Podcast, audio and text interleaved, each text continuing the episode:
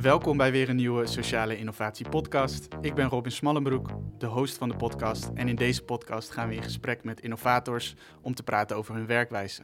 Om te leren hoe we maatschappelijke uitdagingen een stukje effectiever kunnen aangaan. Vandaag spreken we met Kiki Hagen, Tweede Kamerlid voor D66 bij de portefeuilles Middelbaar Beroepsonderwijs, Groen Onderwijs, Leven lang ontwikkelen, Milieu en Circulaire Economie. Onderwerpen als onderwijs, ontwikkeling, milieu en circulariteit hebben heel veel raakvlakken met innovatie, dus enorm interessant. Welkom Kiki, net terug van een reis. Uh, hoe gaat het met jou en wat voor reis heb je gemaakt? Nou, dank. Um, ik ben met de delegatie, een delegatie van de vaste Kamercommissie Binnenlandse Zaken. Zijn wij naar Suriname, Curaçao en Bonaire geweest. Daar hebben we onderzocht wat het verleden van het slavernijverleden eigenlijk betekent voor het heden.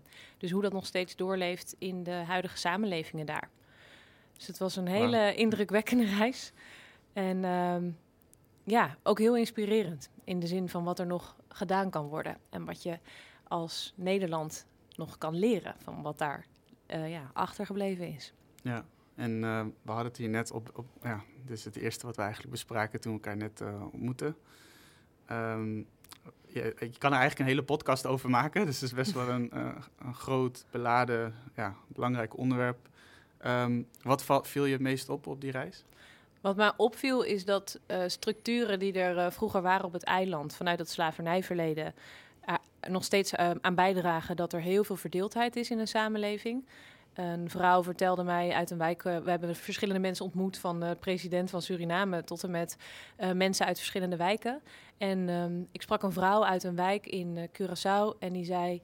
De verdeel, en heerstrategie, die onderdeel was van het slavernijverleden, zodat er nou ja, genoeg toezicht was op de slaven met weinig mensen. Um, die heeft ervoor gezorgd dat er heel veel verdeeldheid was onderling en heel veel wantrouwen. En we hebben nooit geleerd in onze, in onze samenleving dat samenwerken een vereist is voor vooruitgang. Nou, dat kwam enorm binnen. Want toen dacht ik, ja, als je zo'n basis mist in je samenleving, is het natuurlijk heel ingewikkeld om samenleving op te bouwen. Wat wel verwacht werd van deze verschillende gebieden of landen nadat wij daaruit vertrokken. Ja, dat is eigenlijk echt een bizar groot statement, toch? Als je dat. Ja. ja, het is natuurlijk eigenlijk ook nog vrij recent, maar dat dat zoveel impact nog heeft. Nu. Ja, ja, dat werkt dus nog steeds door. Zelfs tot in de huidige jonge generaties. Dus, ja. ja. En hoe komt zo'n reis dan op, tot stand? Jij was voorzitter van de reis. En hoe, hoe loopt dat? Ja, ik ben uh, voorzitter van de vaste Kamercommissie Binnenlandse Zaken. Dus dat betekent dat ik alle commissies leid. Um, en een onderdeel daarvan is dus Binnenlandse Zaken, ook wonen. Dus dat is uh, minister Hanke Bruins-Slots. En die gaat over de coördinatie van een aantal onderdelen op de, op, binnen het Koninkrijk.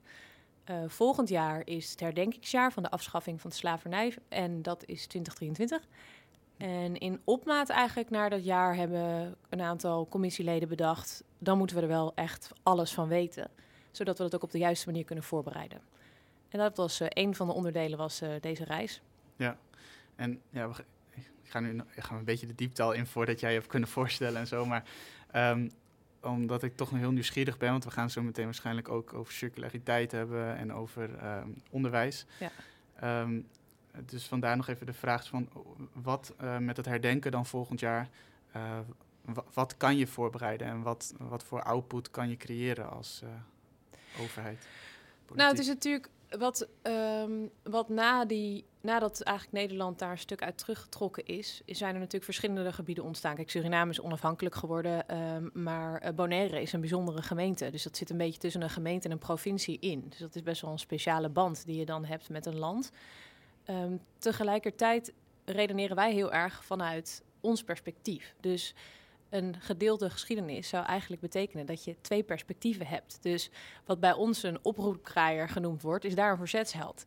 Hm. En je ziet in onze geschiedenis nog steeds dat dat niet zo gezien wordt, niet als verzetsheld. Dus we zijn als onderdeel bijvoorbeeld naar uh, Tula geweest, naar de herdenking, naar die ceremonie. Dat is een van die verzetstrijders in Curaçao, die op gaan staan, gaan staan heeft, of op gaan staan is, gaan staan is tegen het slavernij eigenlijk. En um, je ziet dus dat als je hun perspectief mist, dan kan je hier wel herdenken.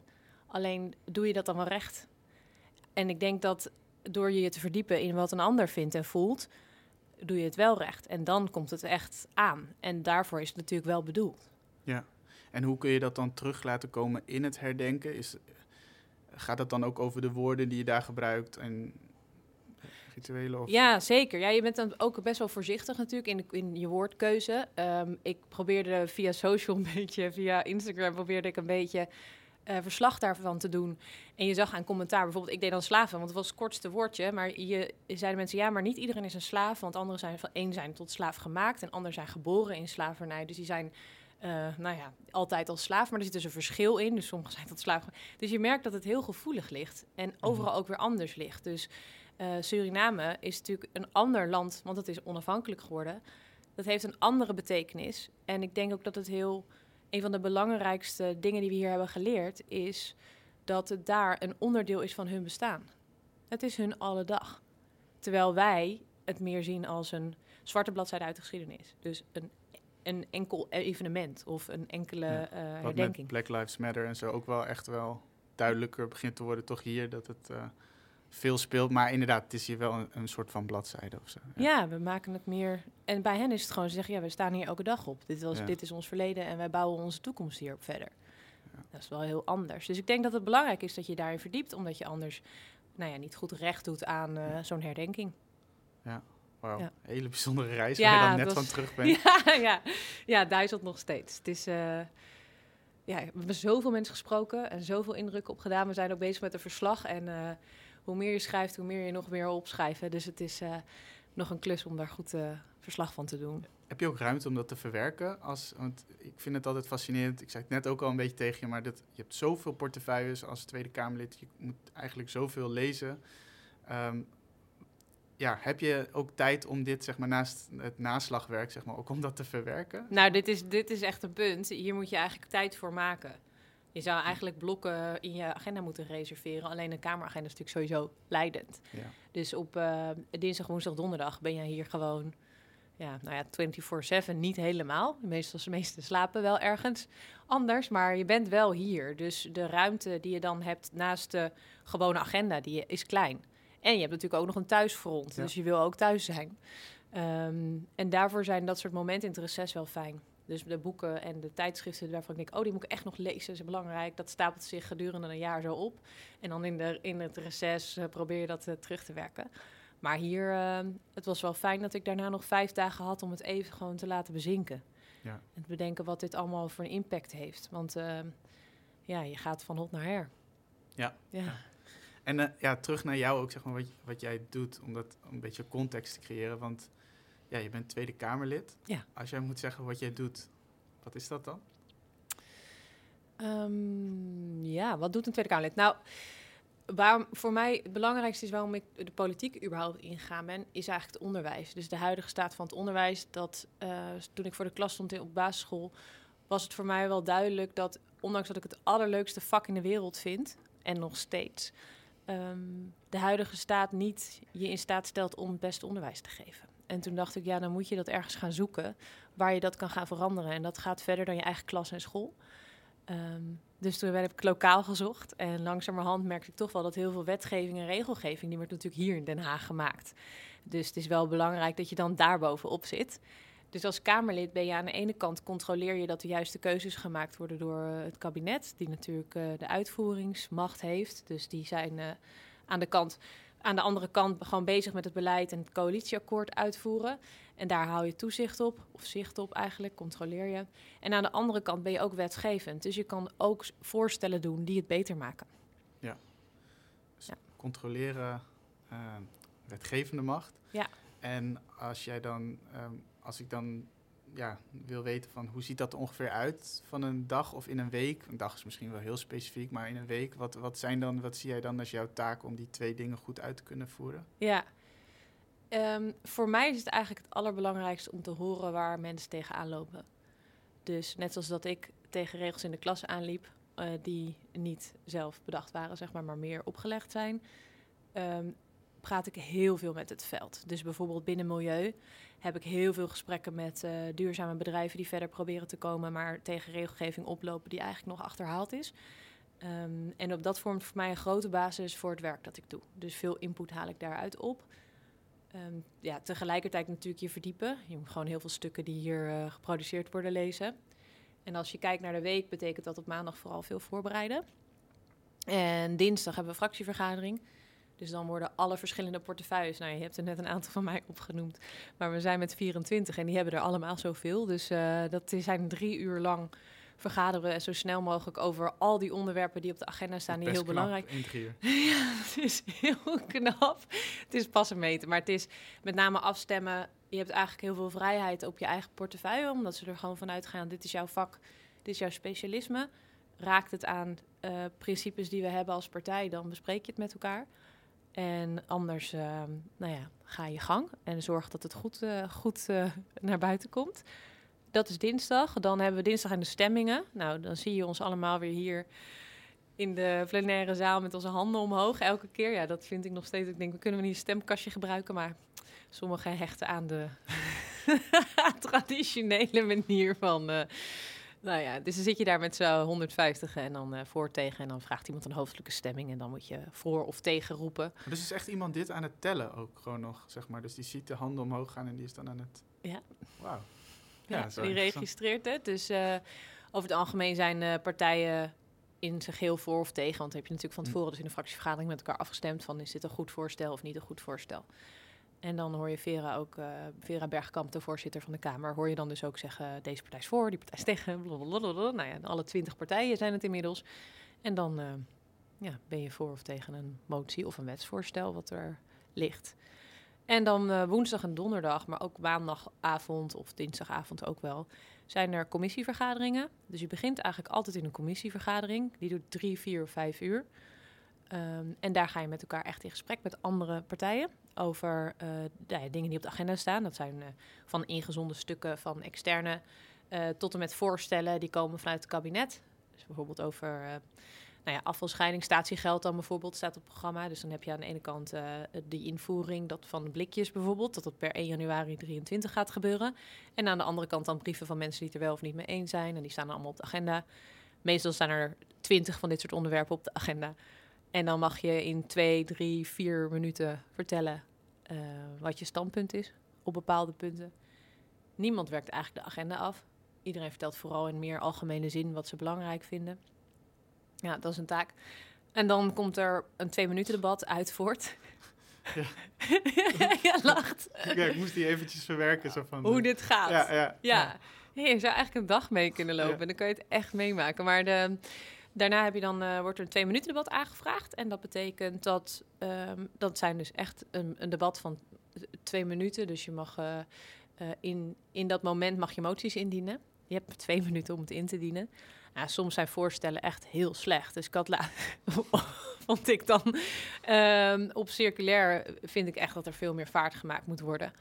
En milieu ook. Dus ik mhm. had echt voor één ding had ik vier moties. Ja, dan moet ik in vier minuten voorlezen. Ja, dat is gewoon niet te doen. Dus ik haalde het ook niet. Dus dat was echt heel grappig. Dus zei ik, maar ik heb nog een motie. Toen zeiden ze, ja, mag niet, je tijd is erbij. Toen dacht ik, ja, dit is echt... Maar goed, afijn proces, hè? Proces. Ja, ja. Uh, en uh, nou ja, dat heb je, maar je hebt ook wetgevingsoverleggen. En die duren veel langer en die zijn helemaal plenair, want dat is een belangrijk onderdeel uh, natuurlijk van je taak. En die ligt dan voor en dan ga je daarover in debat met andere partijen. Nou, ook op woensdag en donderdag? Ja, vaak. Ja, maar het kan dus ook wel op dinsdag of op maandag zijn als het vol is. En door corona was het natuurlijk helemaal, uh, moest iedereen veel meer afstand houden. Dus was, werd alles over die zalen helemaal verdeeld. Dus dan was het helemaal verdeeld over meerdere dagen. Maar in principe dinsdag, woensdag, donderdag. Vrijdag sowieso niet. En volgens mij is, dat nog traditioneel uit, maar dat zou, zouden we even op moeten zoeken of het echt waar is. Dat de postkoets toen nog moest gaan rijden met alle besluiten die genomen werden. Dus volgens mij uh, was de vrijdag daardoor voor uitgezonderd. De postkoets? Ja, volgens mij ging vroeger ging na de besluit. En donderdagavond kan natuurlijk tot ochtends vroeg duren. daar komt dat vandaan. Daar komt dat volgens mij nog vandaan. Maar we moeten nog even nazoeken.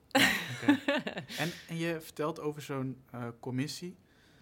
Um, ik begrijp er dan van dat jij zegt van ja, iedereen doet er nu. Want jij bent een van de mensen die aan tafel zit. En jij doet uh, ook je eigen research. Of eigenlijk je doet die gesprekken, je luistert naar mensen, wat zijn de behoeftes. En zo zitten er meerdere aan tafel. Zijn dat allemaal Tweede Kamerleden of zijn dat ook andere mensen die daar zitten? Nee, alleen de Kamerleden. Uh, alleen de Kamerleden die lid zijn van de commissie. Okay. Dus um, um, milieu en circulaire economie, daar zijn dus uh, van, dat valt onder infrastructuur en waterstaat, het ministerie. Um, en dat, daar zitten alleen de Kamerleden. Ja. Dus dat, ja, je gaat alleen in debat met andere Kamerleden. En, en hoe ziet dat ehm, qua proces er ongeveer uit? Dus, dus eh, ik begrijp dat, je dus een, dat er een gespreksvorm is waarin je nou ja, een agenda hebt die niet helemaal wordt gevolgd, maar in ieder geval waar wel iedereen wat ruimte heeft om op tafel te leggen hoe ze daar naar kijken. Hoe, hoe ga je van commissie eigenlijk van, oké, we beginnen een commissie, want circulariteit is blijkbaar belangrijk. Ben ik ook eigenlijk wel benieuwd, misschien is dat de eerste vraag, van, dus komt de commissie, hoezo komt die commissie er? De commissies zijn, zijn er eigenlijk. Dus je hebt infrastructuur en waterstaat. En ehm, milieu is natuurlijk milieuwetgeving een belangrijk onderdeel, taak van de overheid. Je hoort er niet zoveel over, want het is niet een heel sexy onderwerp, maar wel super belangrijk voor de, onze gezondheid. Ehm, en dat is dus gewoon een vast agendapunt van deze commissie. Dus dat Ja. en dan bedoel ik agendapunt in de zin van er wordt één keer in de zoveel tijd is er een commissievergadering. Dus je hebt de externe veiligheid valt onder milieu. Ehm wat heb je nog meer? Ik weet al die, al die commissienamen niet, maar er vallen er wel een vijf of zes van die commissies onder. Een soort subcommissies binnen een grote commissie. Ja, binnen, de, binnen het ministerie eigenlijk. Want je Ah, hebt natuurlijk eh, de commissie infrastructuur en waterstaat. Ja, dus precies, de infrastructuur waterstaat. En daaronder heb je dus infrastructuur, is eigenlijk echt een hele bubs aan de ene kant. En aan de andere kant is meer de waterstaat. Dus dat gaat echt over water, maar milieu, afvalscheiding, dat soort dingen. Mhm. Ehm, en dat komt gewoon in je agenda te staan. En dat weet je de donderdag voor de week erop. Dus je op donderdagavond weet je hoe je volgende week eruit ziet. En dan, ehm, nou ja, dan heb je milieu, dat staat dan drie uur in de agenda. Vervolgens heb je daar de agendapunten, die worden vastgesteld in een procedurevergadering. Volg je het nog? Ja, Oké, maar je hebt dus een procedurevergadering, daar zitten alle Kamerleden in van die commissie en die bepalen dus met elkaar de agenda. Dus eh, daar zit de voorzitter dan van die commissie en die zegt dan, dit zijn allemaal ingezonden stukken, zullen we een nieuwe agenda inplannen, Ja. een nieuwe vergadering inplannen en dan zeggen ze akkoord en dan komt dus die op een gegeven moment weer in je agenda. Ehm, en daarna, ja, dan eh, heb je dus allemaal je inbreng daar. Dat is dus wat je hebt opgehaald. Kan helemaal over de agenda gaan, helemaal niet over de agenda gaan. Heb je dat ingebracht en dan kunnen er interrupties plaatsvinden onderling tussen de Kamerleden. En daarna gaat het ministerie, in, nee, niet het ministerie, de minister of de staatssecretaris gaat erop reageren.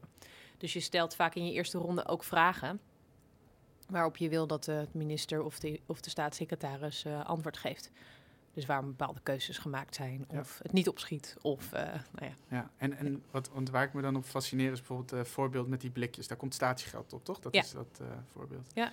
Ehm, dan denk ik van, oké, eh, ik kijk hier een beetje als een designer naar. Dus dan denk ik, oh ja, wacht, dan, dan heb ik een probleemstelling op begin. En dan naar die probleemstelling eh, gaan we inderdaad luisteren. Dus dat, is, precies hetzelfde, want wat vinden mensen hiervan? En daarna vaak zijn er een soort van brainstorms en verschillende keuzes, dus oplossingsrichtingen. En dan wordt er een oplossingsrichting gekozen. Dus dan wordt er een soort van gezegd, oké, ja, inderdaad, die blikjes statiegeld, dat is het beste probleem voor het probleem wat daar, of oplossing voor het probleem wat daarvoor lag. Hoe kun je binnen zo'n, zeg maar, zo'n proces, waar eigenlijk je dus met interrupties en best wel vaste agenda's werkt, hoe, wat is zeg maar het onderliggende proces daarin, waardoor je inhoudelijk ook die stappen kan maken en dat je ook de alternatieven bijvoorbeeld van ja, statiegeld op blikjes hebt kunnen overzien. Hoe, hoe ziet Ja. dat eruit? In principe gaat natuurlijk het, he- het ministerie over het tot stand brengen van zo'n wet. Dus ehm, het invoeren van statiegeld, daar komt dan een, een wetgevingsoverleg. Dus komt een voorstel voor die wet komt eraan. Ja. Daarin staat vaak een overwegingen van de, van de staatssecretaris. Dus welke dingen zij heeft overwogen en welke gesprekken er over zijn gevoerd. Wat is aangegeven. Een soort begeleidende brief is dat. Ehm, nou, daar neem je allemaal notie van. Maar ondertussen spreek je natuurlijk zelf ook allemaal met mensen. Dus bijvoorbeeld bij de statiegeld op blik werd heel lang gezegd... ehm, ja, blik, ja, dat moet er maar ergens apart ingezameld worden. En toen zei iedereen, maar hoezo? Want dat is voor een consument toch echt totaal ondoorvolgbaar. Dan moet je voor je papier wordt dan aan de Ja. weg, maar je, je plastic flesjes moeten daarheen. Sommige bierflesjes moet je in een glasbak gooien en andere bierflesjes moet je weer inleveren. En dan moet je je blikje weer ergens anders naartoe brengen. Nee, zo moeten we het niet gaan doen. Want op een gegeven moment is het niet meer te houden, zo'n systeem Behoorlijke Dus- designkeuzes al, toch? enorme designkeuze. En op een gegeven moment had ik dus met een aantal mensen, ehm, waarvan je bronnen natuurlijk nooit prijsgeeft, maar eh, gesprekken over, is het technisch mogelijk dat je dat gewoon in zo'n apparaat gooit? Ja hoor, zei hij. Prima. Ja, ja. Dus toen dacht ik, ja, dan gaan we echt helemaal niet mee in de lobby van supermarkten, omdat ze dat eigenlijk allemaal niet willen en veel te veel gedoe vinden. Even kort door de bocht. Ik snap dat het een aanpassing is in hun bedrijfsvoering. Tegelijkertijd denk ik, ja, ja dit is gewoon, het is een probleem. We moeten af van het afval en zo snel mogelijk. Dus alles wat we opnieuw kunnen gebruiken. Glas bijvoorbeeld vind ik altijd heel bijzonder. Als je het uh, in de glasbak gooit, gaat het acht keer mee, dat, de grondstof glas. Mhm. Maar als je dus inlevert, wel iets van twintig keer. Dus als je oh, wow. netjes... Ja, dat is ja, een groot verschil. dat is een enorm verschil. En als we het hebben over circulariteit en zuinig zijn op je, op je grondstoffen... en zo lang mogelijk met dingen doen... ja, dan, dan zou je dat eigenlijk bijna moeten verplichten. Dus ik heb wel... Ik zit een beetje zo tussen... Ik ben in principe niet voor verplichten en verboden... omdat ik heel lang geloof in eigen verantwoordelijkheid. Maar ja, je moet als consument wel die keuzes kunnen blijven maken. En daarin zie je, in dit soort dingen... dat je echt als overheid een belangrijke taak hebt.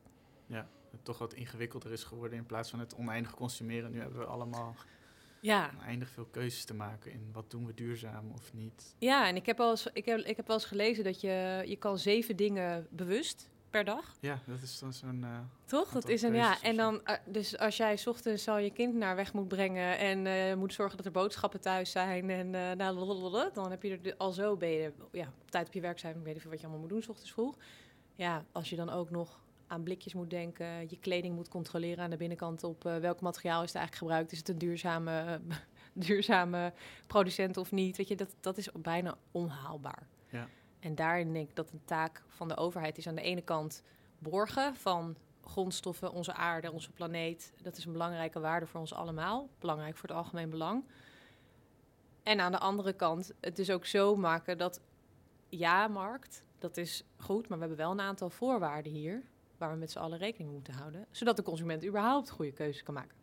Waarbij we natuurlijk helemaal afgaan van jouw vraag. Want je zei, wat is het proces van wetgeving? Ja, nee, je hebt het wel geantwoord. Om dat, misschien om daarom terug te pakken, want dit was, Ja. maakt het wel heel concreet, denk ik. Want er zijn eh, volgens mij altijd verschillende luisteraars die... Ik merk het thuis ook. Ik ben iemand die heel erg in structuren en processen luistert. Maar de meeste mensen denk ik voorbeelden. Dus ik denk dat het heel erg helpt. Ja, Ehm, maar je geeft, wat ik fascinerend vind, is... Dat is misschien wel voor jou vanzelfsprekend, maar... ehm, je, je kan wat mensen vragen ook. Van, nou, hoe werkt dat systeem dan? Ehm, dus ik ben dan benieuwd. Ik hoor dan in jouw designproces, zeg maar, dan hoor ik van, oh ja, jij hebt natuurlijk, want je zit hier met de Tweede Kamer in het midden van de maatschappij, of op, in ieder geval op een vrij centrale plek. Dus je kan mensen vragen. Maar is dat zo? Is dat heel makkelijk? Kan jij, als jij echt wil weten van, ja, maar hoe werkt circulariteit? Ik weet dat je in de fashion ook eh, Ja. aan werkt. Dan, hoe werkt dat in dit deel van die industrie? Bijvoorbeeld, ik zeg wat, nylon, nylon. Heb jij dan de resources om de top-notch mensen zeg maar, aan te spreken en gewoon te zeggen van ja, oké, kun je me dit alsjeblieft uitleggen? ja. Ehm, ja, het korte antwoord is ja. Ehm, en dat is vet, wel iets wat je, ja, dat is heel tof. Maar het is ook iets wat je zeg maar opbouwt. En ik merk ook wel dat als je een bepaalde toon aanslaat in een commissie. Ik krijg bijvoorbeeld heel vaak dan een, een berichtje van: Ik ben het echt volledig eens met jouw inbreng. Dit is inderdaad waar we naartoe moeten. En dan leg je contact. Kijk, en aan het begin krijg je eh, heel veel lobbyisten, heel veel belangenvertegenwoordigers of public affairs of wat dan ook.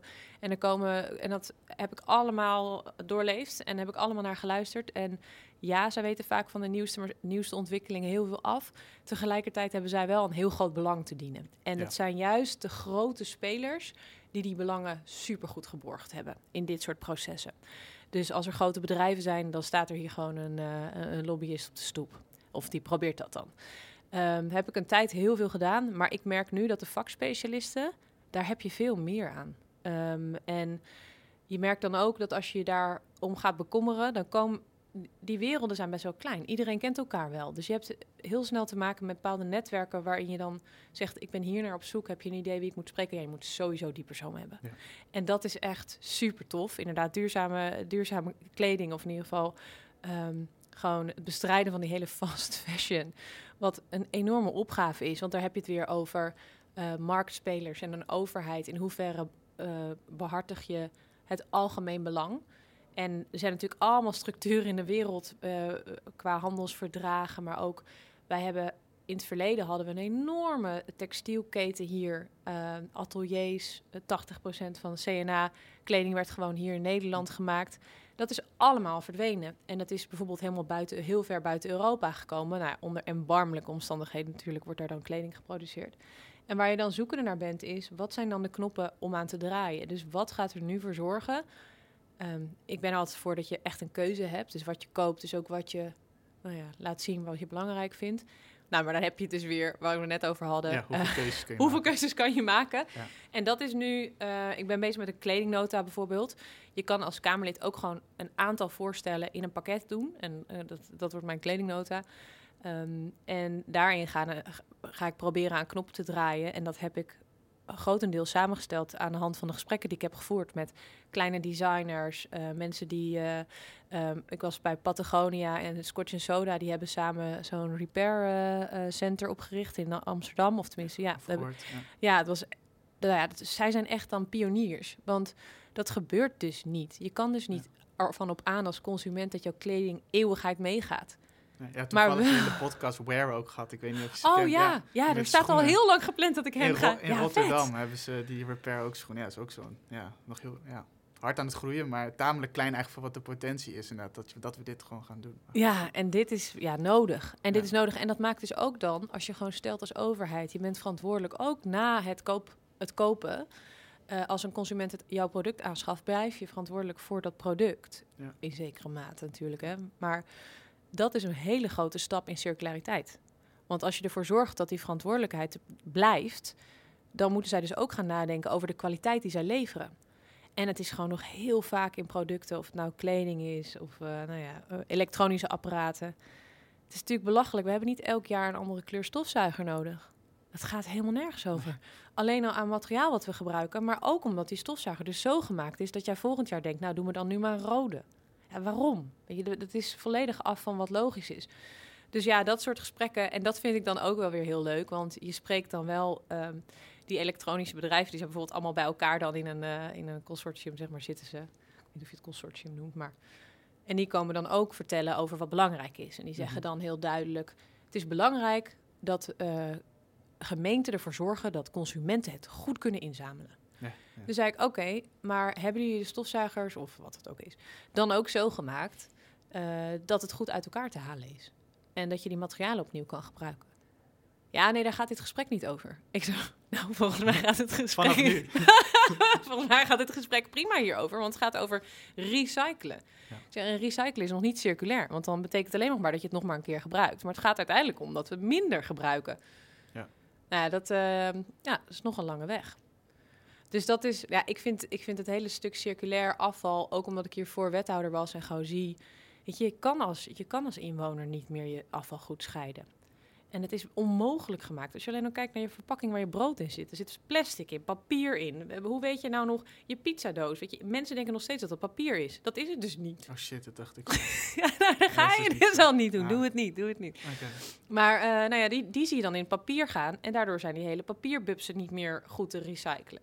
Oh. Dus er zit... Maar goed, kan je dat nog verwachten? Ja, ik vind dat je het niet meer kan verwachten. Ja.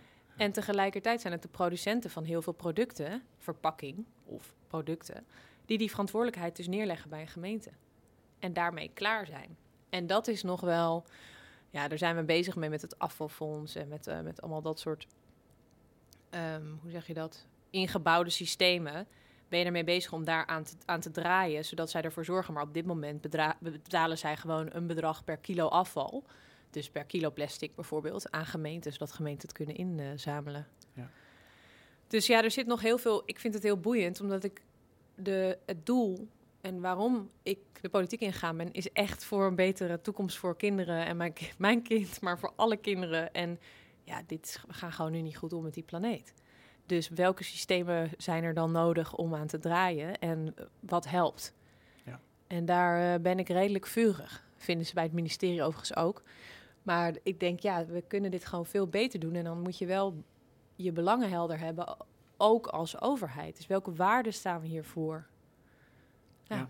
En, en, en die, dat onderscheid, want ik vind het dan heel mooi om te horen. Je hebt dus vakspecialisten, een onderscheid tussen vakspecialisten en die lobbyisten. Maar hoe herken je dat? Wanneer je zeg maar, ik snap dat de een heeft een organisatie en de ander heeft dat niet. Tegelijkertijd zou je kunnen denken, ja, die vakspecialist. eh, ja, wanneer is die een vakspecialist? Dat is eigenlijk mijn vraag. Ja, ik denk, ehm, is het niet zo dat je 10.000 uur iets doet? Ik weet niet hoeveel podcasts je inmiddels hebt opgenomen, maar dan ben je inmiddels een En specialist. 10.000 uur. Misschien met luisteren erbij. maar volgens mij ben je dan een specialist. Kijk, ik denk dat een, een vakspecialist is iemand die midden in die systemen staat en daar elke dag mee werkt. En vaak, kijk, bijvoorbeeld Ehm, de milieukant, dus hoeveel, uh, nou ja, hoe gezond onze bodem, water en lucht is. Om maar eventjes kort samen te vatten. Vroeger had je milieu, een beter milieu begint bij jezelf. En nu heb je, we moeten naar een goed klimaat. Of gaan, we hebben dat natuurlijk veranderd in klimaat. Maar uiteindelijk is dat natuurlijk een heel belangrijk onderdeel van waar we elke dag in leven. En er zijn mensen die houden gewoon toezicht op bedrijven. Of die zich aan de normen houden die we met elkaar hebben gesteld. En dat zijn aan de ene kant bijvoorbeeld uh, gedeputeerden, die wetgeving uh, uh, onder zich hebben en erop moeten toezien dat dat in hun provincie gebeurt. Je hebt natuurlijk ook wethouders die dat moeten controleren of bedrijven zich daaraan houden. Dus die werken elke dag met de wetten. Maar je hebt ook mensen die gewoon afgestudeerd iets in milieu zijn. En die hebben gewoon heel veel verstand van. Ik heb echt de meest rare stoffen geleerd inmiddels ook. Van de PFAS en de PFOS tot de Gen X tot en met. Nou, dat zijn allemaal geen prettige stoffen. Ze zijn heel handig inderdaad in pannen, zodat niks meer aanbakt. Maar in het milieu worden ze gewoon nooit meer... PFAS door jou ook zitten googelen ergens de afgelopen weken. Ja, soms... Het milieudossier is wel dat je denkt, jeetje, ik weet eigenlijk niet of ik het allemaal wel zou willen weten. Maar je ziet dus dat dat soort stofjes, als die het milieu komen, dan gaan ze nooit meer weg. Dus dat hm. zijn dan bijvoorbeeld um, mensen die heel veel verstand hebben van de natuur. En die zien wat voor een invloed dat heeft. Dat is een specialist. Dat is dan vanuit het natuurgedeelte. Je hebt mensen die dus verstand hebben van die stof zelf. Uh, maar je hebt ook mensen die bij omgevingsdiensten werken. En omgevingsdiensten zijn de toezichthoudende bedrijven. Die controleren of bedrijven zich daaraan houden. En anders hand gaan handhaven of opdracht gaan geven totdat ze dat moeten gaan doen. Uh, dus die doen van die monsters in water. En dan zien ze ja. Uh, of, er, of die vervuiling erin zit. Dus ja, je hebt heel veel spelers. Je hebt natuurlijk ook gewoon de instituten, de, RIVM bijvoorbeeld, die vanuit gewoon de overheid, in de opdracht van de overheid dat controleert. Maar um, wanneer is iemand een specialist? Kijk, ik denk dat een lobbyist krijgt betaald om zich daarin in te lezen. En die is op de hoogte van de laatste ontwikkelingen of waar regelgeving klemt. Tegelijkertijd is diegene die het moet uitvoeren en controleren natuurlijk ook een specialist. En um, die probeer ik dan gewoon allemaal een beetje te spreken eigenlijk. Ja. En, en, hoe, als je dan, dus dan heb je mensen gesproken. Um, en ik snap dat dit ook, zeg maar, ja, de definitie van een vakspecialist, dat zijn gewoon meerdere mensen. Ja. Maar dan heb je ze gesproken, hoe, wer hoe werk jij dan? Want dan ik kan me voorstellen dat voor sommige mensen het nu gaat duizelen. Zo van, oké, dus dan heb je allerlei mensen gesproken. Ik moet ook denken aan de vorige podcast, dat ging over uh, warmtepompen bij Nathan. En daar hoorde ik hetzelfde argument, dat de verantwoordelijkheid eigenlijk bij de nou, producenten moet gaan komen. Hm. Ook, in, ook in hun uh, markt. Um, dus ik zie dan voor me van, nou ja, misschien is hij een van die mensen die ergens gesproken wordt. Met heel veel andere specialisten. Hoe ga je daarmee om, met die inzichten? Hoe... Ja, nou kijk, bijvoorbeeld uh, vanuit milieu-oogpunt. Toen. Dat is een hele lange aanzet van mij voor deze vraag. Ja. bijvoorbeeld bij milieu was. Uh, had ik een inbreng gedaan. En dat komt ook omdat ik als wethouder milieu in mijn portefeuille had. Dus dan uh, bedrijvig, bedrijvigheid zag waarvan ik dacht, hè, dit is niet goed omgaan met onze aarde. Hoezo mag een bedrijf dat? Maar dat mag dan binnen onze normen die we hebben gesteld als wetgevers. Of als overheid. En ik had een inbreng waarin ik zei dat het echt gewoon, nou ja, de spuigaten uitliep, loopt. Omdat en gemeenten daar helemaal geen zicht meer op hebben. Heel veel milieuschade. Milieucriminaliteit kost ons als samenleving iets van 5,2 miljard per jaar. En dat gaat echt van houtkap, illegale houtkap, stroperij, tot en met drugsdumping, tot en met... Het komt allemaal in ons milieu. is gewoon hartstikke schadelijk. En ik had daar een inbreng over. En toen kreeg ik een bericht van iemand die zei... Ik heb je gehoord, ik ben het hier helemaal mee eens. Wil je eens een keer met me bespreken? Want ik denk dat ik weet waar we de oplossing zouden kunnen vinden. En uh, op dat moment leer je in zo'n gesprek heel veel over um, welke wetgeving hij dan tegenaan loopt. Het zijn steeds hij in mijn verhaal, hè? Kan ook een zij zijn hoor, maar... en hij vertelt dan, uh, nou hier loop ik tegenaan. Het probleem is het systeem, hoe we dat hebben opgetuigd met de overheid bepaalt een wet. Provincie of gemeente is verantwoordelijk, maar we hebben dit niet ergens vastgelegd. Andere kant is het probleem dat milieudelicten uh, waarschijnlijk één keer in de zes jaar bij een rechter komen ongeveer tweeledig. We hebben niet genoeg opsporingscapaciteit. En het is een specialisme. Maar omdat er zo weinig zaken zijn, is, zijn er ook heel weinig rechters in gespecialiseerd. Dit resulteert erin dat stel dat een bedrijf gewoon echt uh, nou ja, kilo's illegale rommel lood. Iedereen weet dat lood niet zo goed is voor je. Um, in ons milieu brengt, dan blijft de strafmaat uit. De, en een directeur van een bedrijf is nooit persoonlijk verantwoordelijk. Dus die wordt niet vastgezet. Ik geloof wel dat er nu uh, uh, in andere landen anders op gehandeld aan het worden is. Maar dus je hebt geen persoonlijk pers iemand die je kan vastzetten voordat er. Dat je met een BV te maken hebt. Ja, je hebt met een bedrijf te maken. En um, de normen die we hebben gesteld zijn nog zo dat het eigenlijk wel het milieu beschadigt, maar vooral goed is voor het economisch belang. Nou, dat is al punt twee. En drie is natuurlijk dat die rechters uh, er, er, dan niet zijn of te weinig, de, er te weinig opgespoord wordt, waardoor het ook niet voorkomt. En als er dan een straf komt, dan is die zo laag, ja, dat is niet afschrikwekkend. Ja. Terwijl dat wel in de wet staat. Dus ik ben nu op verschillende vlakken voor zoiets dan aan het samenwerken met nou ja, deze en gene om dat te regelen. Aan de ene kant dus de opsporing, hoe het wetmatig verankerd is. Um, en aan de andere kant probeer ik ook die normen aan te passen en strenger te maken. Ik vind niet dat. Kijk, het is heel fijn dat wij stoffen kunnen ontwerpen als mensen die water of stootend of roestwerend en zo. Hè, dat hebben we allemaal goed bedacht. Maar uiteindelijk is het niet. Zo werkt het natuur niet. Je, ja. je doorbreekt natuurwetten. Dus je moet ervoor zorgen dat het gewoon niet in onze natuur komt. Want het is never ooit afbreekbaar. Um, een forever stof noemen ze het. In goed Nederlands. En dus ik probeer dan op al die verschillende dingen probeer ik te schakelen. Dus aan de ene kant regel Zie ik nu een post-it muur vormen, zeg maar? Of zie ik een... Ik werk altijd in Google Drive. Google Drive, dus het zijn documenten. Ja, het zijn documenten met dingen die we moeten aanpassen. En ik bedoel het natuurlijk niet helemaal alleen. Hè? Want ik heb gelukkig echt fantastische beleidsmedewerkers. Maar echt, die zich er helemaal in vastbijten. En met mensen ook echt nog gaan bellen op de achtergrond wat er geregeld moet worden. Um, en dan hebben we bijvoorbeeld ervoor gezorgd dat in het coalitieakkoord uh, milieucriminaliteit benoemd is. Um, wat dus supergoed is, want het werd eigenlijk nooit echt benoemd. En uh, dat er extra capaciteit is bij het Openbaar Ministerie. Dus dan zo, dat is ook al geregeld. Ja, nou ja, goed. De vraag is natuurlijk, zij zijn wel vrij om te bepalen wat ze daadwerkelijk allemaal opsporen. Maar in, in de kern is er dus meer capaciteit. Hard nodig ook, overigens. Um, en aan de andere kant probeer ik dus met uh, een, een norm, normen aan te passen. En dus ook heel erg naar de staatssecretaris aan te geven van ja, dat moet gewoon strikter. En dat met het PFAS, ja, daar blijf ik maar sturen van... ga dat bedrijf aanpakken, ook al is het over de grens. Ga er naartoe. Mensen kunnen het vis niet meer eten uit de Westerschelde. Belachelijk. Want de wetgeving is toch al wel dat dat crimineel is? Um, ja, nou, de wetgeving is dus zo...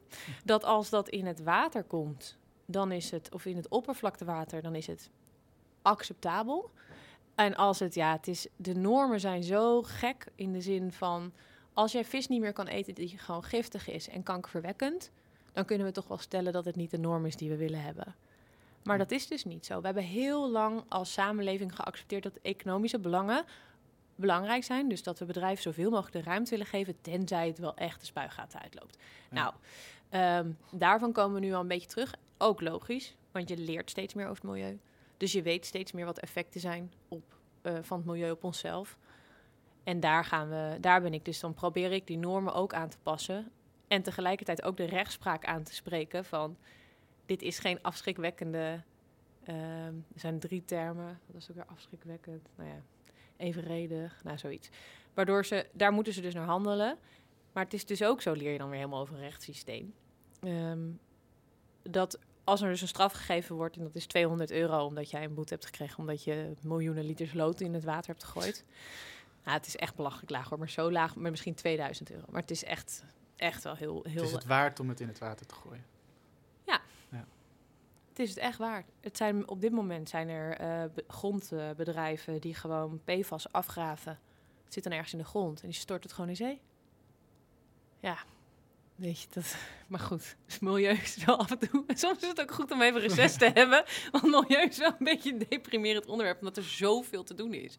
En tegelijkertijd ben ik ook wel een beetje een, uh, ze noemen me eco-warrior hier. Dus uh, dit is ook wel een beetje waar ik, wat ik dan op me, op me neem. Ik vind het gewoon heel belangrijk. Um, nou ja, en, en, en, tegelijkertijd leer je dus ook heel veel aan die rechtspraakkant. En dan spreek ik ook iemand van het Openbaar Ministerie die zegt: hier lopen wij tegenaan. Of, uh, nou ja, dus specialisten zitten er eigenlijk in elke hoek. En ik probeer zo'n onderwerp als dit vanuit verschillende takken aan te pakken. Want aan één kant werkt het niet. Dus ja, Ja. Werk je, Ja, het is zeker een werkje. En wat ik ook fascinerend vind, je hebt hier dan een paar beleidsmedewerkers uh, waarmee je op zijn team zit, op een aantal van die portefeuilles. En dan, ja. ik zie dus nu Google Drive voor me. Ja.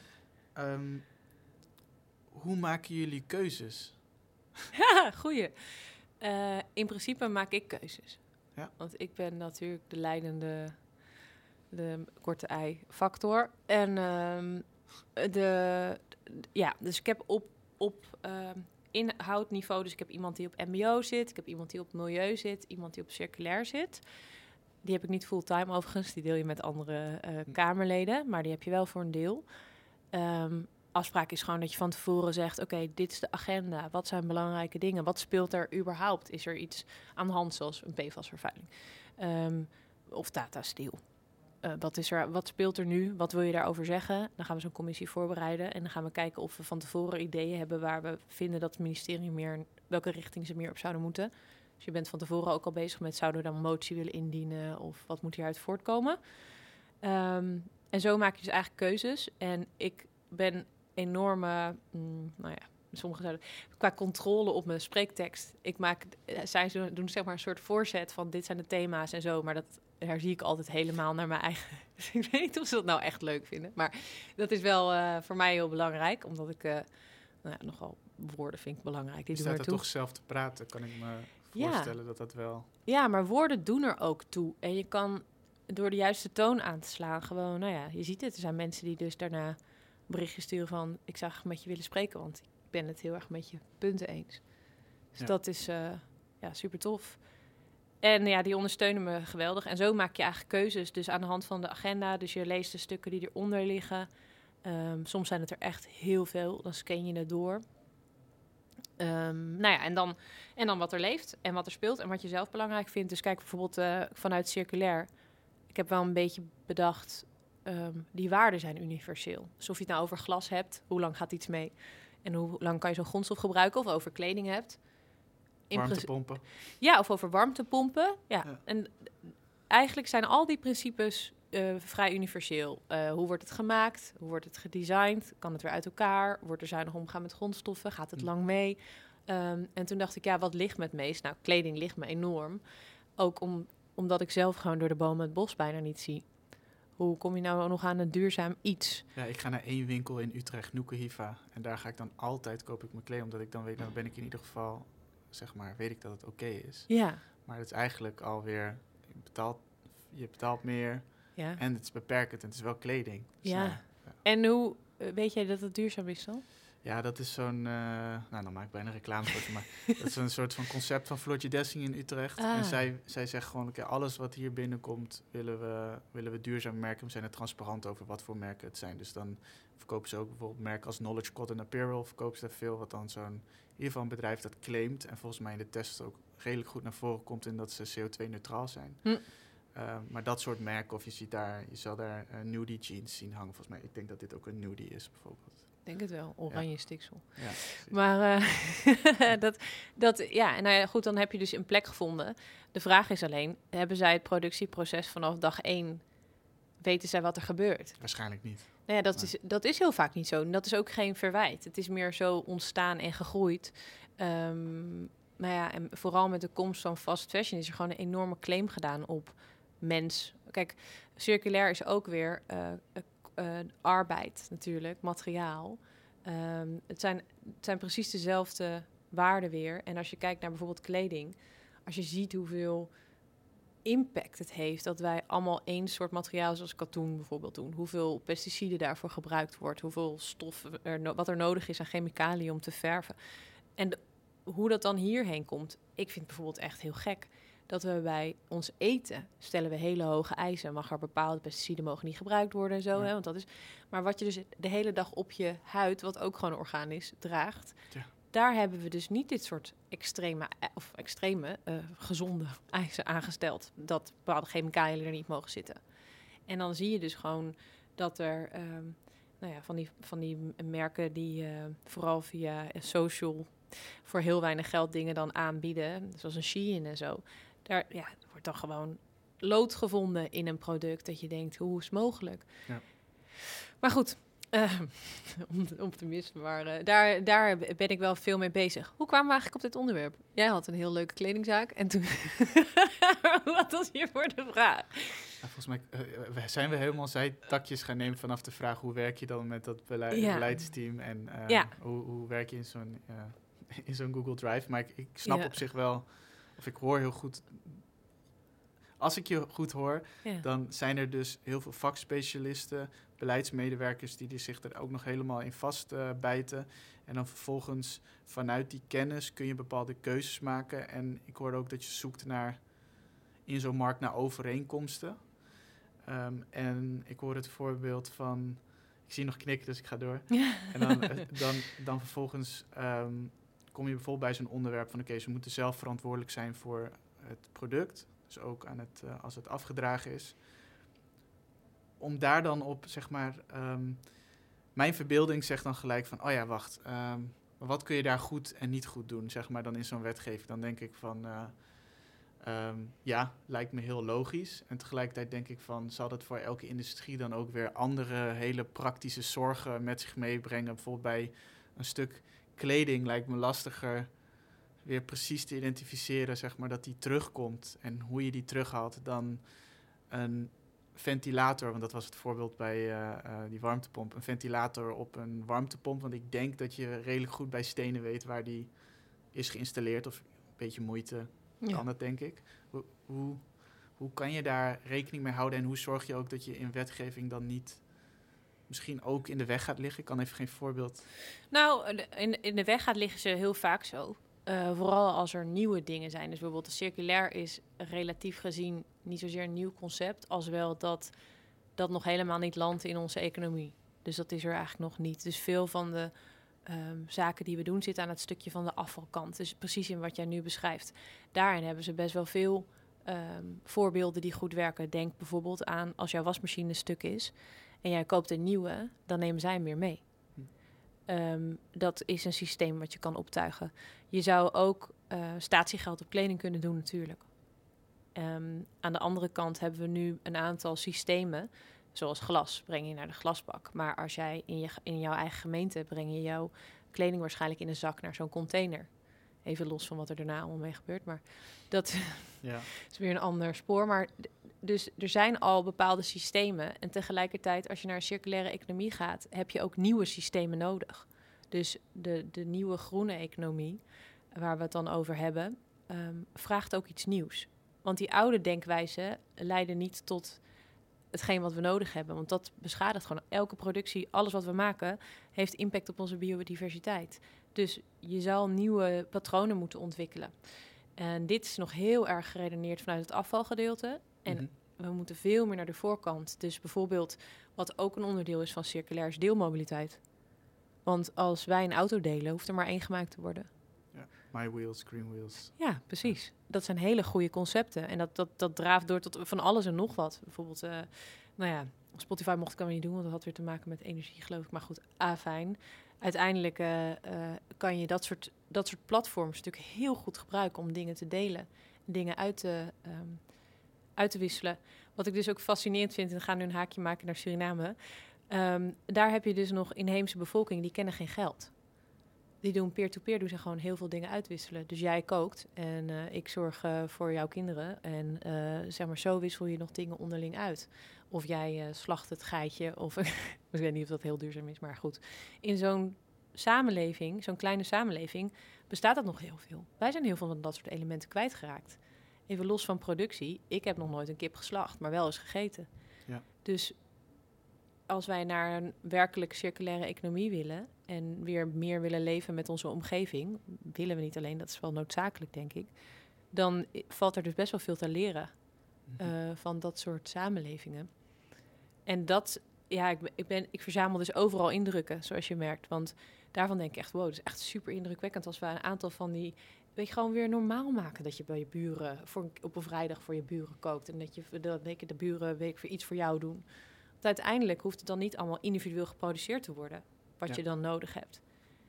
Nou, dit is natuurlijk helemaal een vergezicht van circulaire nee, economie. maar dat, is, een andere horizon. Ik denk dan in innovatie, dit is een soort horizon 3, verre horizon, waarin je echt anders gaat denken. En die andere, en die, kan, die lijkt me ook tenminste mij persoonlijk lijkt me nog lastiger in jouw positie, omdat bij die andere kan je inderdaad ook met die vakspecialisten heel goed concreet, weet je, geef zij, ja, dit is de volgende stap, dus Ja, alsjeblieft help ons daarbij. En ja, dit is het vergezicht daarbij. En dan bij Horizon 3 heb je echt, ja, ben je de maatschappij opnieuw. Als ik nu denk, ja, het is heel erg, maar bijvoorbeeld mijn buren in mijn appartement in Utrecht, dat is zelfs niet zo heel veel contact, omdat we amper tijd hebben om familie en vrienden te zien die dan in het noorden wonen. Dus Ja. we zijn de hele dag eigenlijk zo onze tijd aan het indelen. ja. En dan, ja, dus, het- dus ja, ik geloof daar heel erg in. Fan van in- innovatie, maar dat is wel, het lijkt me lastiger voor jou. Ja, is ook. En het is vooral hoe zorg je ervoor dat je dus die, die ontwikkeling in de toekomst niet ehm, lam legt. Dus een klein voorbeeldje. Eh, we, hebben nu de, we zorgen er nu voor dat een x-percentage in je kleding moet. Eh, dat is een voorstel vanuit, eh vanuit eh, circulair, zeg maar, vanuit het ministerie. Een x-percentage moet gerecycled materiaal zijn. Dus je mag niet meer 100%, want er is zoveel kleding, dat moet geregeld worden. Stimuleer je aan de ene kant stimuleer je dat er bedrijven die dat recycleproces goed in gaan richten. Dus die zorgen dat ze dat katoen of wol of eh, wat het dan ook is, gaan terugwinnen en weer gaan aanleveren als een, als een grondstof voor nieuw materiaal. Gebeurt al. Veel te kleine schaal nog, maar het gebeurt al wel.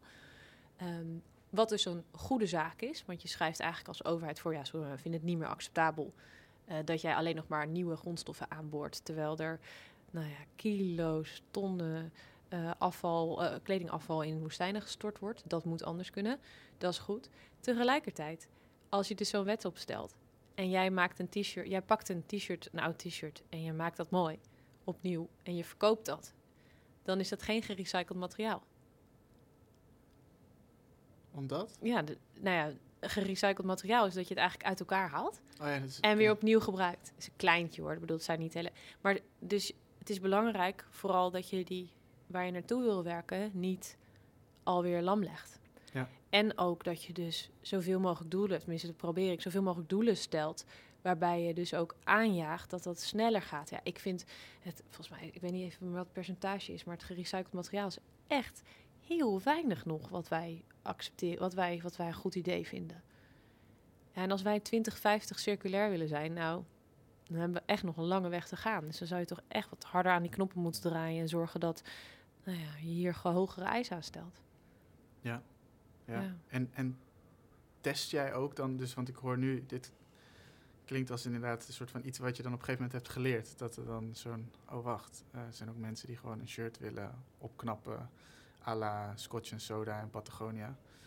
eh, of Wear. Ehm, test jij dan? Heb je dan een soort van, is er een soort tussenfase van, oké, ik heb nu het voorstel zover en dan gaan we testen? Of is dat... Er is standaard in de procedure van wetten, is er dus die, ehm, ehm, voordat dit uitkwam voor kleding, dus alle eisen die dus nu gesteld worden aan, eh, aan, aan kleding, komt er een soort consultatie. Maar daarin zie je dus ook dat de grote spelers die weg kennen, dus Hmm. de, ehm, nou ja, de Primarks en de H&M's en de, eh, de grote bedrijven, die weten die weten dat ze daar iemand eh, een input op moeten laten leveren. Maar ja, een where. Ja, ik hoop Ja. dat ze het hebben gedaan, want het zou top zijn. Maar ik heb ook wel eens die portals gezien. Het is echt nog zo'n... Tenminste, ik heb er eentje gezien. Ik weet niet of het bij allemaal zo is. Maar het is echt nog zo'n ouderwets, zo'n invul dingetje, toch? Ja, het zou me niks verbazen als je moet printen eh, en op moet invullen en Ja, dat je het dan weer op moet sturen. Maar goed, ik hoop dat het inmiddels iets beter is. Maar dat gebeurt nog eh, best wel vaak in de overheidswereld, ja. Maar goed, dat is wel ehm, gerichter die kleine spelers die juist pionier zijn, nu, maar nog speldenknopjes, gericht uitvragen. Dat is wel heel belangrijk. En dat doen jullie hier wel. Nou ja, dat wij, wij vragen hen dan specifiek uit, wat vinden jullie hiervan? En, eh, maar je ziet gewoon dat dat soort kleinere bedrijven, die zijn gewoon heel hard aan het werk. Want die zijn net begonnen, dus die hebben alle tijd van de wereld nodig ja, om, om hun, hun product eh, vorm te geven en alle processen die er omheen liggen. Ja, dan heb je niet tijd om een hele nota vanuit het ministerie te lezen of een wetgeving. En een, ook was het wel heel belangrijk. Ja, maar dan wil je liever een gesprek hebben met eh, jou of een beleidsmedewerker over hoe... Ja, alleen is dat natuurlijk wel een ander. Kijk, het kabinet staat natuurlijk wel los van de Kamer. Dus ik ga, oh, pardon. Ik ga uiteindelijk wel. ehm, ik heb daar wel in, in- input op. Dus Ja. ik ga er natuurlijk Ja. wat mee doen. Maar wat het kabinet er uiteindelijk mee doet, is aan hen. Dus het is veel beter om het direct bij hen natuurlijk naar binnen te brengen. En te zeggen: dit kan niet of dit is niet goed. Leg jij die link Zeg maar, hoe leg je dat? Ja, je kan controleren sowieso wat de input is geweest. Dus wat, wat het ministerie heeft eh, opgehaald bij verschillende bedrijven. En juist, nou ja, ik zei net eh, dat repair center eh, Hullekes, waar ik de, mijn jurk vorig jaar van Prinsjesdag aan had, die, ehm, eh, die is klein, maar onwijs duurzaam en bewust met hiermee bezig. Dus ja, daar, die spreek ik dan. En laatst was ik ook in Arnhem op die, eh, ehm, nou ja, de, de meer duurzame tak van de mode zit daar dan. En dan spreek je ook heel veel mensen. En dan zie je ook weer, het is eigenlijk een heel klein clubje. Dus dat netwerk is heel overzichtelijk. Dus als ik meer wil weten, dan kan je weer zo overal terecht. Ja. ja. In, in, in dit werk, want je kan feilloos uitleggen hoe dit eruit ziet. En ik vind het ook fascinerend dat je dus inderdaad... Het is best wel een unieke innovatiepositie eigenlijk, waarin je dus met zo'n hele maatschappij eh, kan Ja. samenwerken en de kennis opdoen. Wa- Wat is de uitdaging voor jou? Je kan natuurlijk ondergesneeuwd raken in die processen. Maar daar ben ik altijd een beetje wars van. Het zit gewoon niet in mijn persoon. Het is heel goed dat jij het inzichtelijk maakt. Maar ik ben meer, eh, ik heb gewoon een doel en dan ga ik daarvoor. Ehm, wat, ik, wat ik lastig vind is dat heel weinig in beeld gebracht wordt. Wat al die Kamerleden hier elke dag aan doen zijn. Dus eh, jij, jij vraagt mij nu hè, van wat, hoe gaat dat dan? Wat ben je dan aan het doen? We werken hier ontzettend veel samen. Maar je krijgt vooral de negativiteit. En dat bedoel ik niet social media. Ik bedoel, heb ik ben ik al lang niet meer mee bezig. Maar het is. De nadruk wordt vaker gelegd op een eh akkefietje. Eh, dan wat ik aan, aan het begin zei tegen je van dat ik op een gegeven moment die moties dus niet ingediend kreeg, want ik had er vier. Toen liep Eva van S langs van Partij van de Dieren. Toen zei ik, ik heb echt nog een vet goede motie, wil je die voor me indienen? En toen zei ze, oh ja, tuurlijk, neem ik al mee. Dus zij nam mijn motie gewoon mee. En ze ging gewoon, Ah, ja, cool. en ze ging daar gewoon eh eh, met het spreekstoel zei ze van. eh, en ik heb ook nog een vierde motie. En toen begon ze iets van. eh ehm, nou, dat ging dus over PFAS in de Westerschelde. En toen, zei, toen stond er iets van constaterende dat mensen graag eh, vis eten. En zei ze, ja, ik ben eigenlijk, ik ben eigenlijk voorstander van dat we zo min mogelijk vis eten. maar weet je wel, dus staande die. En dat is superleuk. Ja. Het is superleuk, want je werkt gewoon, je hebt een doel met elkaar. En eh, je kan over ideologie en zo kan je verschillen. Ehm, maar die mensen hier werken zich echt, kei, die werken echt keihard. Er zijn heus misschien een paar uitzonderingen, maar ze, het is zo jammer dat er altijd naar de, de, de standaard 10 mensen van, van de 150 toegelopen wordt. Want ze zijn, het is zo leuk om te zien waar iedereen mee bezig is en wat zij belangrijk vinden. Daarom vond ik die reis ook fantastisch. Want je leert mensen kennen waar je, nou ja, normaal zie je ze zitten in de commissie als voorzitter. En dan vertellen ze hun verhaal en nu leer je ze persoonlijk kennen. Waarom doen ze wat ze doen? Ehm, hoe zijn ze hier dan terechtgekomen? Nou, ze hebben allemaal ja, in, in mindere mate of meerdere mate zo'n verhaal als ik. Van ze hebben iets, ze zijn tegen iets aangelopen. En toen dachten ze, ja, dit gaan we even anders doen. Ja. Ja, dat is natuurlijk eh, superleuk. Dus ik merk wel eens dat dat mij energie kost. Maar ik merk nu dat, dat ik het gewoon eigenlijk allemaal niet meer lees. Is ook Mhm. niet goed misschien. Maar ik, ja, ik word er gewoon, denk ja, er staat, elke keer staat er iets in dat je denkt, dat, dat klopt niet. Ja, we hadden het natuurlijk al even over, maar bijvoorbeeld dossier Koningsrijksrelaties, die doet een hele objectieve weergave van hoe een debat loopt. Dus ook al zijn ze het niet eens met de inbreng van sommige partijen, is een soort objectieve weergave. Of ze zenden een heel interview uit. Ja, superleuk. Maar ja, daarom zijn deze, zo'n podcast zoals van jou is natuurlijk supergoed. Want je hoort veel meer dan, je hoort afwegingen, overwegingen en niet een quote van een minuut. Ik ben sowieso niet zo goed in een minuut. ik wil gewoon liever wat, ja, wat nuancering aanbrengen. Past ook wel bij mijn partij natuurlijk. Maar dit is wel, is, ja, in zo'n wetgevingsproces, hoe kun je dat nou in een minuut plat slaan? Ja. En merk je ook dat dit breder, dus ik kan me heel goed voorstellen, je hebt zoals overal mensen die nou, redelijk gedegen te werk gaan, zoals jij, zeg maar, met vakspecialisten, onderscheid maken tussen daar ook een stap in maken zelf. Nee, niet die lobbyisten, maar die vakspecialisten. Het, die consultatie ook verrijken door ook nog daar mensen bij aan te spreken. Ehm, is dat. ehm, is daar nog een stap in te maken? Of zeg je van nee, als je hier in de achtergrond kijkt, dan zie je ook in de meeste partijen zie je echt wel dat, die, dat dit soort aanvullingen worden gedaan. Ja, dat weet ik niet. Ik, weet, Hm. ik, weet, ik denk dat heel veel Kamerleden ehm, een eigen werkwijze hebben. Maar dit geeft mij heel veel energie. Ehm, omdat je hoort wat mensen hun drijfveren zijn in, in nou ja, het werk wat ze doen en waarom ze dit zijn gaan doen. Zoals ik ook aan jou vraag, hoe, hoe kom je hierbij en wat, ben je, wat beweegt je dan? Da dat geeft mij energie en dat je merkt dat dat, dat dat terugwerkt. Dus het maakt mij heel enthousiast en ook gemotiveerd om het te gaan veranderen. Uh, en die mensen weten je ook snel te vinden. En, en daardoor werkt dit voor mij. Ik weet niet of dit voor iedereen werkt. Het zou ook heel goed zijn, kunnen zijn dat er Kamerleden zijn die juist graag met die lobbyisten spreken. Omdat ze dan heel snel de belangrijkste informatie krijgen over waar dat soort bedrijven tegenaan lopen. Dat kan. En natuurlijk, iedereen zit er ook vanuit een eigen ideologie. Mm -hmm. Dus um, sommigen vinden juist alleen belangrijk dat ze weten wat de bedrijven vinden. En anderen gaan liever alleen met de natuurorganisaties praten. Dat kan ook. Dat, dat zou kunnen. Ik weet niet of iedereen het zo doet. Ja, de dimensie van ideologie is natuurlijk ook nog eentje in politiek die ook nog meespeelt. Zeker. Ja, ja, je kan natuurlijk gewoon het belang voor de bedrijven behartigen. Ja. Dat, dus ja, dan lijkt me logisch dat je niet de natuurorganisatie gaat spreken. Want dat is toch wel iets heel anders. Ja. Maar dat hoeft niet, hè. Het, het zou best wel kunnen. Ik denk dat heel veel mensen... Je hebt wel de... Je hoort wel eens inbrengen dat je denkt... oh ja, ik weet wie je hebt gesproken. dus dat is ook zo. En kijk, ik heb de ruimte dat ik. Jij zei, wow, je hebt vier, vijf onderwerpen in je portefeuille. En dat neemt al zoveel tijd in beslag. Er zijn natuurlijk kleinere fracties en die hebben er nog tig meer. Dus dan moet je je ook op andere dingen baseren. Dan heb je niet de tijd en de, en de vrijheid om zoveel mensen te spreken. Ja. Maar ja, ik ben er wel van overtuigd dat dit, uh, ja, dit werkt in ieder geval voor mij. En ik denk dat dit ook is waarom je hier zit. Want je bent ook nog, want we hebben het wel over controleur en wet. Je bent natuurlijk ook gewoon een volksvertegenwoordiger. Dus het is ook nog jouw taak om te vertolken wat er leeft in de samenleving. Ja. En ja, zo haal ik dat het liefste op. Mij doen dit soort gesprekken in ieder geval heel erg goed, omdat ik merk dan van, inderdaad, wat je ook zegt, van dit zie je over het algemeen niet en je hoort niet wat, hoe iemand echt werkt. Ja. Als je dan hoort van dat zulke slimme, ambitieuze, zeg maar, mensen aan het werk zijn om dit te doen met een gedegen proces. Ik snap dat het voor jou is het ook gewoon aanvallen, maar ik hoor ook een best wel een gedegen proces, zeg maar. Ja, inmiddels, hè. Ja. Ik ben natuurlijk al even Kamerlid, dus ik denk dat je me half jaar geleden had gevraagd, hoe doe je dit precies? Ja. Maar dit is wel ook je natuurlijke, tenminste mijn natuurlijke voorkeur. Ja. Ja. Gaaf. Um, eigenlijk een afsluitende vraag. Ja. Um, een must read, uh, een must watch en een favoriete jam.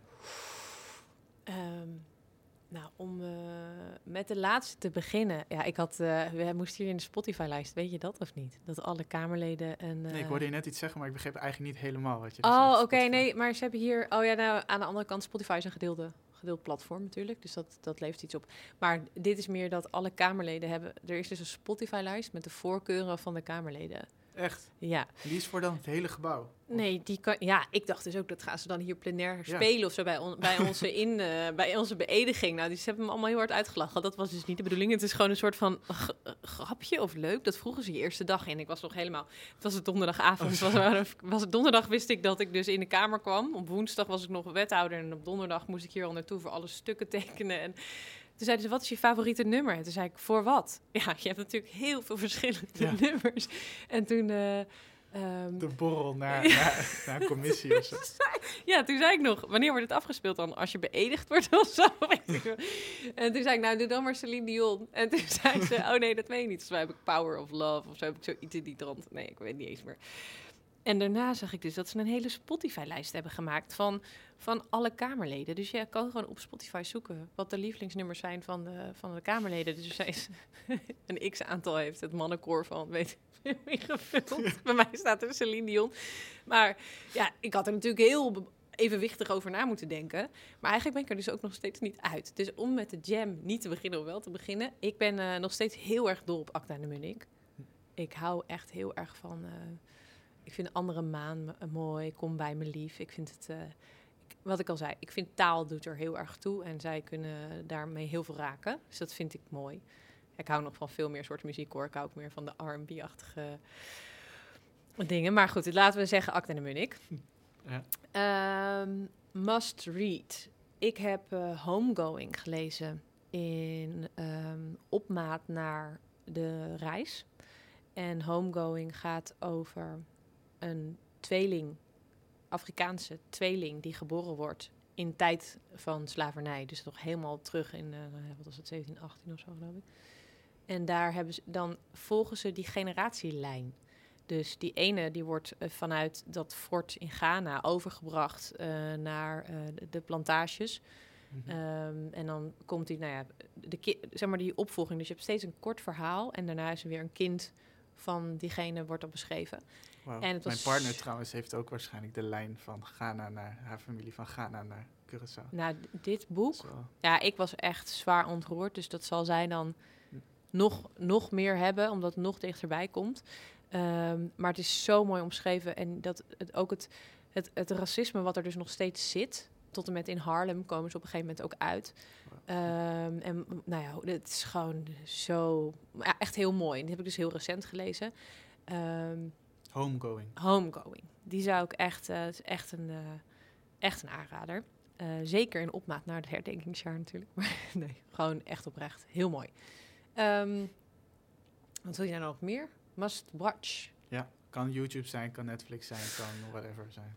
Ik heb dus eh, deze, dit reces, had ik eigenlijk weer een beetje tijd. Ehm, Little Big Farm gekeken. Ja, Oh, dat is die ene dat ze zo grond in Texas hebben, toch? ja dat, dit is echt mijn droom. Gewoon, gewoon echt mijn droom. Het liefste zit ik dus als ik, als ik dus vrij ben en wat dan ook, zit ik met mijn handen in de aarde. Ik vind dat echt iets maken wat gaat leven en bloeien en groeien. En dat er bijtjes en zo op afkomen. Ja, ik word er helemaal blij mee van. En ik heb natuurlijk vanuit milieu, weet ik alles over hoe aangetast wij al onze ecosystemen hebben. En dan denk ik, ja, ik kan wel hier in de wetgeving is heel belangrijk, want je zet een maat. Mhm. Maar je kan het ook gewoon gaan doen. Ja. En zij gaan het gewoon doen. En waar ze dan tegenaan lopen, ja, ik vond het echt, eh, ja, ik zou, het, ik zou het eens kijken en zien. Je ziet ook in wat zij dan doormaken, ehm, wat wij beschadigd hebben. Dus zij zijn het weer aan het herstellen. En dat vraagt gewoon heel veel, maar levert ook superveel op. En ik vond het wel heel puur. Dat is het meest recente wat ik heb gelezen en gezien, waarvan ik denk, ja. Gaaf, dankjewel. Celine Dion, Homegoing. Big nee, Farm. nee. Skip Celine Dion. skip Celine- Nee, heerlijk. Celine Dion is toch echt top. Sky Radio. Yes. Wie houdt er niet van? Wil ik je heel erg bedanken voor dit gesprek. Superleuk. Graag gedaan. Dankjewel. En iedereen ook bedankt voor het luisteren natuurlijk. Ciao.